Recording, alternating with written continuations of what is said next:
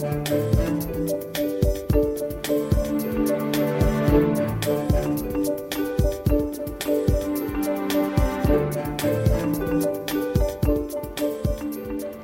Bodziuk, dzień dobry. To jest program Szczerze o Pieniądzach. W studiu gość, profesor Gertruda Uścińska, prezes ZUS. Dzień dobry pani prezes. Witam dzień dobry pana pani profesor. witam państwa. E, pani profesor, będziemy rozmawiać o przyszłym roku, bo, bo to pewnie będzie bardzo ciekawy rok, ale zanim przejdziemy do tego e, przyszłego roku, ponieważ spotykamy się na koniec tego, mm, to chciałbym, żebyśmy go spróbowali podsumować e, w kilku zdaniach, bo wydaje się, proszę mnie poprawić, jeśli się mylę, że to był chyba jeden z lepszych, jeśli chodzi o ZUS. Tak, ja, ja, pan redaktor mnie zapytał, czy mm, jakiś czas temu, czy ten okres pandemii, teraz tej wojny na Ukrainie, to takie najtrudniejsze doświadczenia, na, największe wyzwania, największe problemy. I, I tak rzeczywiście jest, ale ten rok z punktu widzenia mm, też sytuacji gospodarczej i najpierw tego pierwszego filaru w systemie ubezpieczeń czy zabezpieczenia społecznego jest naprawdę wyjątkowo, był wyjątkowo bardzo dobry.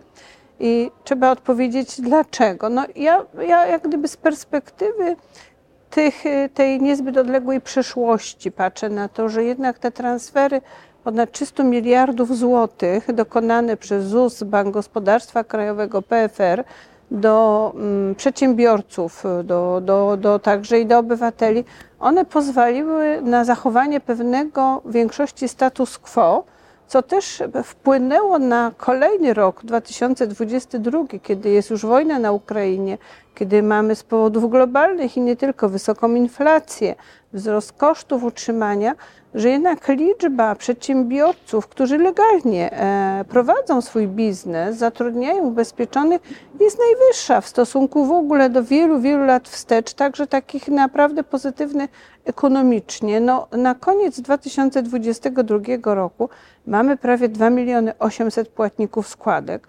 Mamy 16,5 miliona w ubezpieczeniu zdrowotnym, 16 w ubezpieczeniu emerytalno-rentowym. Pobraliśmy ponad 340 miliardów złotych, nie tylko do FUS-u, bo pobieramy też na Narodowy Fundusz Zdrowia, no ale do FUS-u też prawie 285 miliardów.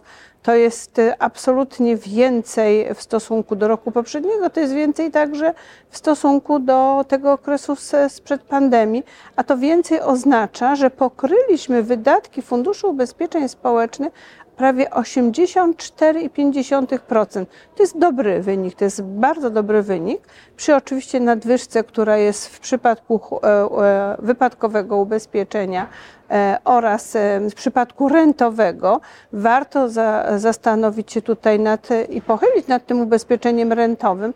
W takim okresie kryzysu 2007-2009 w Polsce przecież wygenerowano 2 miliony 700 osób pobierających rentę z tytułu niezdolności do pracy i w konsekwencji zmieniono ustawodawstwo, cały rygorys orzeczniczy, orzekanie na czas określony, faktycznie tylko na czas nieokreślony, jeżeli krócej niż 5 lat do emerytury, przejście z renty e, e, po osiągnięciu wieku na emeryturę. I dzisiaj my komunikujemy, że fundusz rentowy ma nadwyżki, dlatego że w tym roku obniżyła się liczba świadczeniobiorców poniżej 600 tysięcy, czyli też wyciągamy z tego takie wnioski, jak gdyby na tą przestrzeń przyszłą, że te reformy czasami trudne, e, takie systemowe, czasami źle odbierane społecznie, bo one jednak mówią, że trzeba wymagać więcej, żeby nabyć prawo do tych świadczeń. One, proszę zobaczyć, dają takie dobre rezultaty. My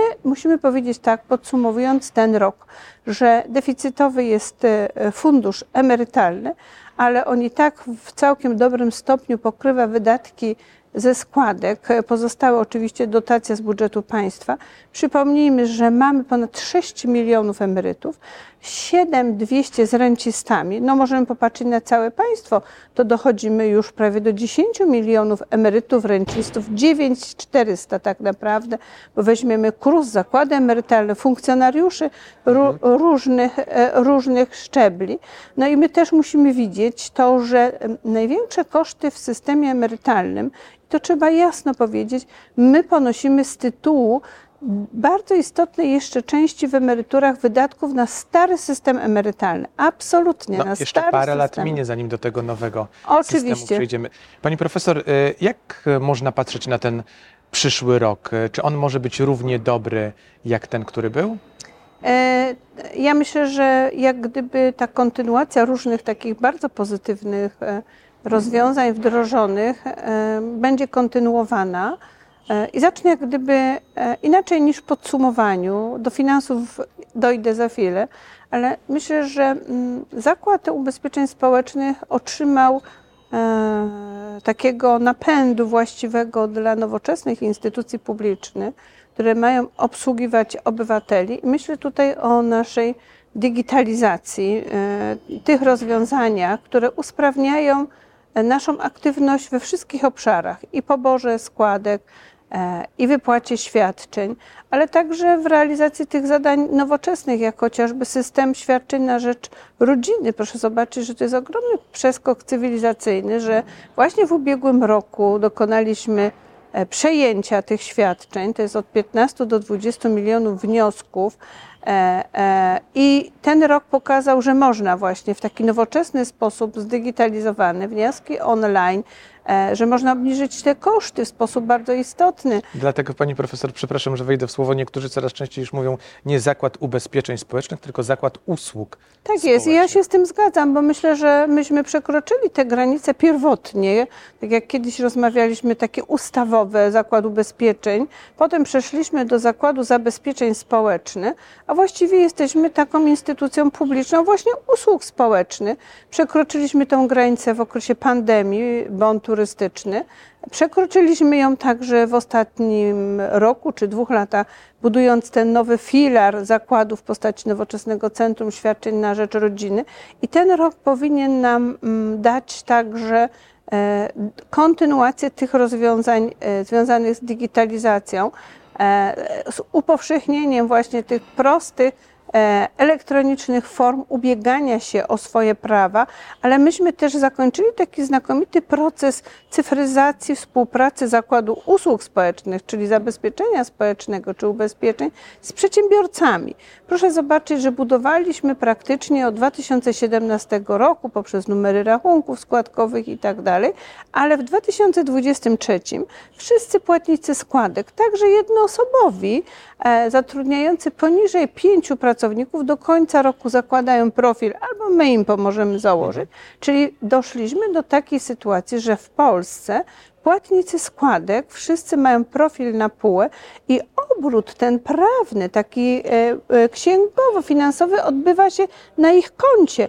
Oni nie potrzebują już udawać się tak fizycznie e, do zakładu, na salę obsługi. Oni wszystko to mają na własnych zasobach, właśnie na tym profilu. Czyli co oni tam mają? Informacje, czy są dłużnikami, czy na bieżąco, pobierają sobie zaświadczenia do sądu, pobierają sobie zaświadczenia e, do e, prawa, kiedy występują jako strona w zamówieniach publicznych, do całego obrotu społeczno-gospodarczego. A więc doprowadziliśmy do tego unowocześnienia i w tej chwili, w tym roku będziemy po prostu te formy jeszcze rozwijać, żeby one były bardziej doskonałe. Przechodzimy też do kwestii aplikacji, tak? W przypadku świadczeń e, e, na rzecz rodziny już pod koniec roku wprowadziliśmy MZUS, czyli aplikację dla 500 i widzimy, że to dobrze idzie. Rodzice zgłaszają opiekunowie różne fajne uwagi. W nowym roku z punktu widzenia digitalizacji chcemy aplikację wprowadzić dla lekarzy. Lekarze współpracują z nami od e, 2017 roku, kiedy rozpoczęliśmy wielką reformę elektronicznych zwolnień. No i oczywiście w przyszłości będzie to też aplikacja dla przedsiębiorców, a więc oni będą mogli także poprzez swoje iPhone'a, smartfona te czynności. Proszę zobaczyć, gdybyśmy tu rozmawiali kilka lat temu i to nie takich kilka lat temu odległe, w ogóle byśmy o takich rzeczach nie mówili, tylko pan redaktor mi by mnie zapytała, kiedy wreszcie te panie i ci panowie, co przychodzą na salę obsługi klientów z takimi segregatorami, wreszcie będą mogli przychodzić bez tych segregatorów. No właśnie, to się dokonało. Pani profesor, to proszę mi powiedzieć, bo pani ma szeroki ogląd, jeśli chodzi o sprawy europejskie. Nie, nie tylko polskie, ale generalnie jeśli chodzi o, mm, e, o Unię Europejską, czy w ogóle Europę. Jeżeli my mielibyśmy gdzieś umiejscowić polskie rozwiązania w kontekście tych europejskich, to na jakim poziomie jest ZUS? Ja, ja myślę, że jeżeli jest 27 państw, w każdym państwie e, takie instytucje ubezpieczeniowe, no kilka instytucji, czasami jedna, funkcjonują, to jeżeli weźmiemy pod uwagę wszystkie te, te rozwiązania, które są związane i ze składkami, z podatkami, y, z ustaleniem prawa wypłaty, absolutnie jesteśmy w pierwszej szóstce, siódemce, myślę, a w niektórych przypadkach jesteśmy nawet w pierwszej czwórce, jeżeli chodzi o elektroniczne zwolnienia, dlatego że de facto jest, są cztery, no w tym roku pięć krajów, które tylko i wyłącznie stosują elektroniczne zwolnienia. Pozostałe kraje, które są liderami w wielu innych obszarach, no nie są w stanie przeprowadzić tej reformy, że odchodzą od papieru, bo jest taki opór po prostu tych podmiotów, których to, to dotyczy. Więc ja myślę, że absolutnie jesteśmy jesteśmy tutaj w tej ścisłej czołówce. Poza tym nas w Unii Europejskiej oceniają przez pryzmat tej digitalizacji wewnętrznej, e, a więc takich elektronicznych rozwiązań, e, aplikacji, kreatorów wniosków, ale w pierwszej kolejności jednak patrzą, jak my kooperujemy z tymi krajami, czy z tymi instytucjami, czy u nas jest terminowe załatwienie, czy elektronicznie udostępniamy dokumentację. Polska, no tak, no bo pracować można wszędzie przecież. Tak jest. I to Polska jest absolutnie liderem, myślę, że e, bardzo wysokim, ponieważ E, weszliśmy w ten elektroniczny system wymiany danych zabezpieczenia społecznego jako jeden z pierwszych krajów Unii Europejskiej. Staramy się, żeby ta współpraca była na wysokim poziomie z wszystkimi krajami, ale przede wszystkim z tymi, gdzie najwięcej Polaków przebywa. Polacy masowo korzystają z prawa do przemieszczania się, e, do delegowania, a więc najwięcej delegujemy do Niemiec, ponad 600 tysięcy rocznie. Mhm. I dlatego to delegowanie nie mogłoby się odbywać E, tak skutecznie, gdybyśmy nie stworzyli elektronicznego systemu, a jedynek to jest decyzja administracyjna, która przypisuje tego obywatela do polskiego systemu i że legalnie jest zatrudniony, płaci składkę i do dwóch lat może jechać do Niemiec. Moi koledzy z Niemiec mówią, że po prostu w ten oto sposób zbudowany został prestiż tej instytucji, takiej jak Zakład Ubezpieczeń. Prestiż, bo E, e, inspektor pracy, e, czy też inna inspekcja na budowie w Niemczech ma dostęp do do systemu polskiego, żeby stwierdzić, czy ZUS wydał delegowanie jako formalną decyzję, że ta osoba jest legalnie i spełnia te warunki. Proszę zobaczyć, w ciągu kilku lat to się dokonało. Na tym tle e, z krajami Unii Europejskiej były ogromne problemy z Belgią, z Francją, z Niemcami, a jednak ten postęp elektronicznej wymiany tych informacji, dostęp poprzez interfejs za odpowiednimi rozwiązaniami technologicznymi powoduje, że ta informacja jest tu i teraz, kiedy kwestionuje się legalność na budowach, w usługach czy w innych sektorach. To jest tak ważne z punktu widzenia właśnie budowania tego autorytetu instytucji, ale i państwa, bo przecież takie delegowanie jest zawsze języczkiem uwagi i polityków, i ekspertów, i pracowników, urzędników tych instytucji Unii Europejskiej. A czy w związku z tym, pani profesor, skoro te usługi się rozwijają, ZUS tyle wdrożył rozwiązań, postrzeganie ZUS-u się zmienia? Tak, oczywiście myślę, że tak. E, e, ja słucham wszystkich uwag Państwa dziennikarzy, ponieważ Wy szeroko e, macie kontakt z adresatami naszych rozwiązań. E, ale też oczywiście e, czy zlecamy, czy też bez zlecenia badają nas instytucje, które po prostu pytają o opinię publiczną. No ja myślę, że te ostatnie badania jednej z instytucji, które mówią, że to zaufanie e, ma ponad 70% obywateli w stosunku do tego, co było kilka lat temu, że 70 było na nie, czy nawet ponad 70, to było zatrważające.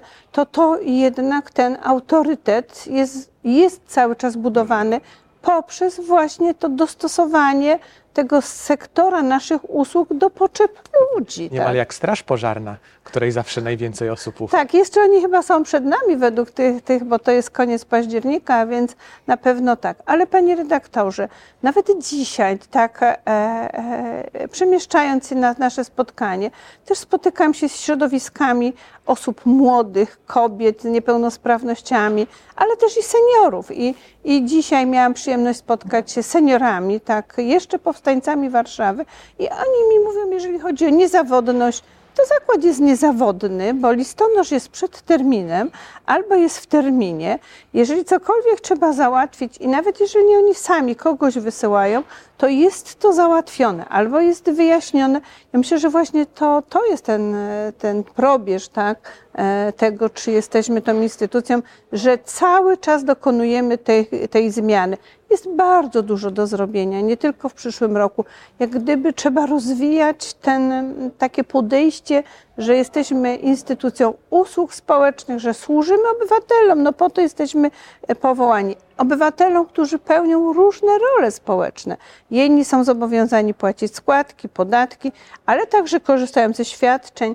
Inni z tytułu składek mają prawo do świadczeń, a my mamy takie wprowadzać rozwiązania, żeby to było sprawniej, żeby to było zoptymalizowane w kosztach i żeby to było nowoczesne, dlatego że w tej nowoczesności jest też duża niezależność takich instytucji i buduje się też prestiż państwa. Pani profesor, a e, skoro rozmawiamy o tym zaufaniu, pewnie najtrudniej to zaufanie zbudować u tych najmłodszych, e, wśród tych najmłodszych i zastanawiam się tak przechodząc trochę a propos tych najmłodszych, czy oni sobie zdają już sprawę z tego, że oni muszą oszczędzać na emeryturę, bo za no, kilkanaście lat, czy trochę więcej, ta emerytura będzie inaczej wyglądała. Ten system będzie zupełnie inny niż teraz. Tak, to jest gigantyczna praca taka komunikacyjna, edukacyjna i w jaki sposób my jako organizacja też staramy się ją wykonywać, ponieważ od wielu lat prowadzimy coś takiego jak lekcje z zakresu ubezpieczeń społecznych,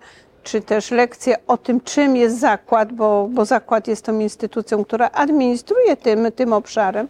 Staramy się też jako nauczyciele akademicy oczywiście uczyć na ten temat studentów, wykładać, e, e, prowadzić te zajęcia na seminarium, ale generalnie e, tego ciągle jest za mało, mówiąc kolokwialnie. Absolutnie młodzi ludzie, zwłaszcza pokolenie Z, ale XY przed nimi tak samo, właściwie dla nich to pojęcie emerytury jest tak odległe, jest tak nierealne i w zasadzie e, wiąże się z obowiązkami takimi, że jeżeli pracuje się na umowie o pracę e, na, na, w jakiejś innej formie, już powyżej 26 roku życia, no to często mnie pytają, dlaczego mają płacić te składki, tak wysokie składki na ubezpieczenie emerytalne, rentowe, chorobowe i wypadkowe. No ja im mówię tak, że właściwie to od e, czasów Bismarcka, to tam 1889 roku, w Europie, ani też na świecie nie wymyślono innych rozwiązań niż budowanie wielkich wspólnot solidarnościowych opartych na wyodrębnianiu funduszu, gromadzeniu tam pieniędzy i z tych pieniędzy wypłacanie świadczeń, jak ktoś spełni warunki, osiągnie wiek. Ja, ja mówię, że w Europie właściwie nie, nie, nie toczą się takie dyskusje, że trzeba zlikwidować fundusze czy te instytucje, tylko toczą się dyskusje, jak to wszystko powiązać z punktu widzenia tym starzeniem się społeczeństw, z tymi nowymi systemami emerytalnymi, o których powiedział pan redaktor, bo to są te nowe systemy oparte na zdefiniowanej składce. I bardzo dobrze, że one zostały wprowadzone 1 stycznia w Polsce 1999 roku.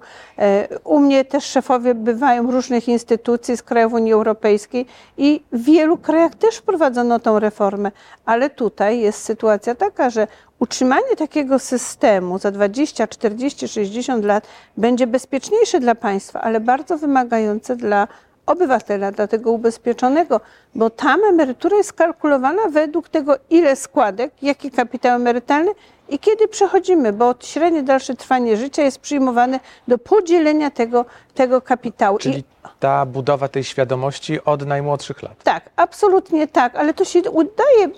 Też jak gdyby musimy e, rozwiać taki dyskurs e, taki publicystyczny.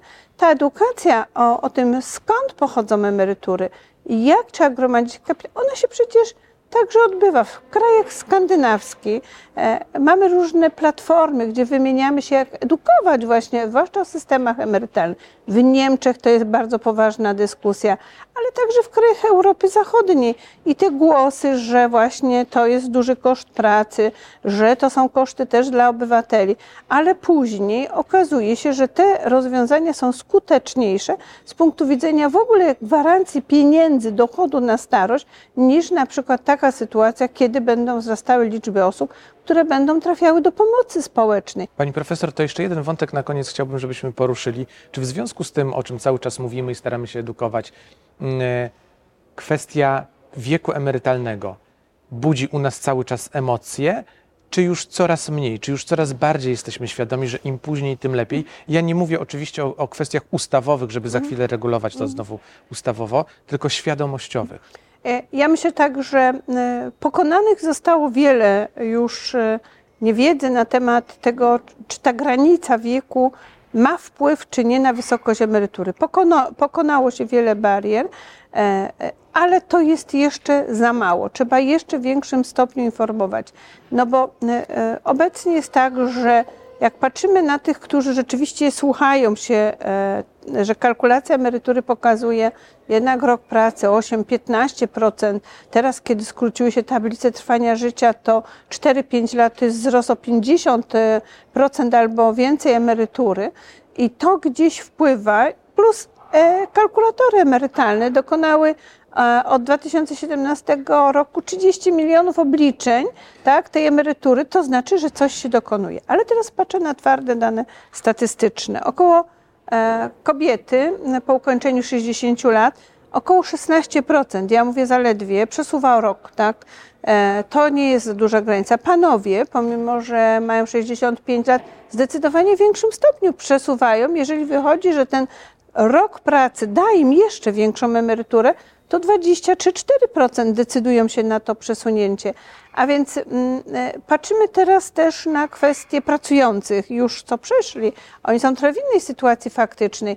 Mamy około 865 tysięcy e, tych osób, które mają prawo do emerytury. E, Widzimy ich w ubezpieczeniu zdrowotnym, niektórych w ubezpieczeniu emerytalno-rentowym. No ja myślę, że z punktu widzenia ponad 6 milionów pobierających emerytury w systemie powszechnym, plus dodamy około 2, ponad 2 miliony w innych systemach, te wskaźniki powinny być jeszcze wyższe. Dziękuję pięknie. Dziękuję. Profesor Gertruda Uścińska, prezes ZUS. A to był program Szczerze o Pieniądzach. Ernest Bodziuch. Do zobaczenia.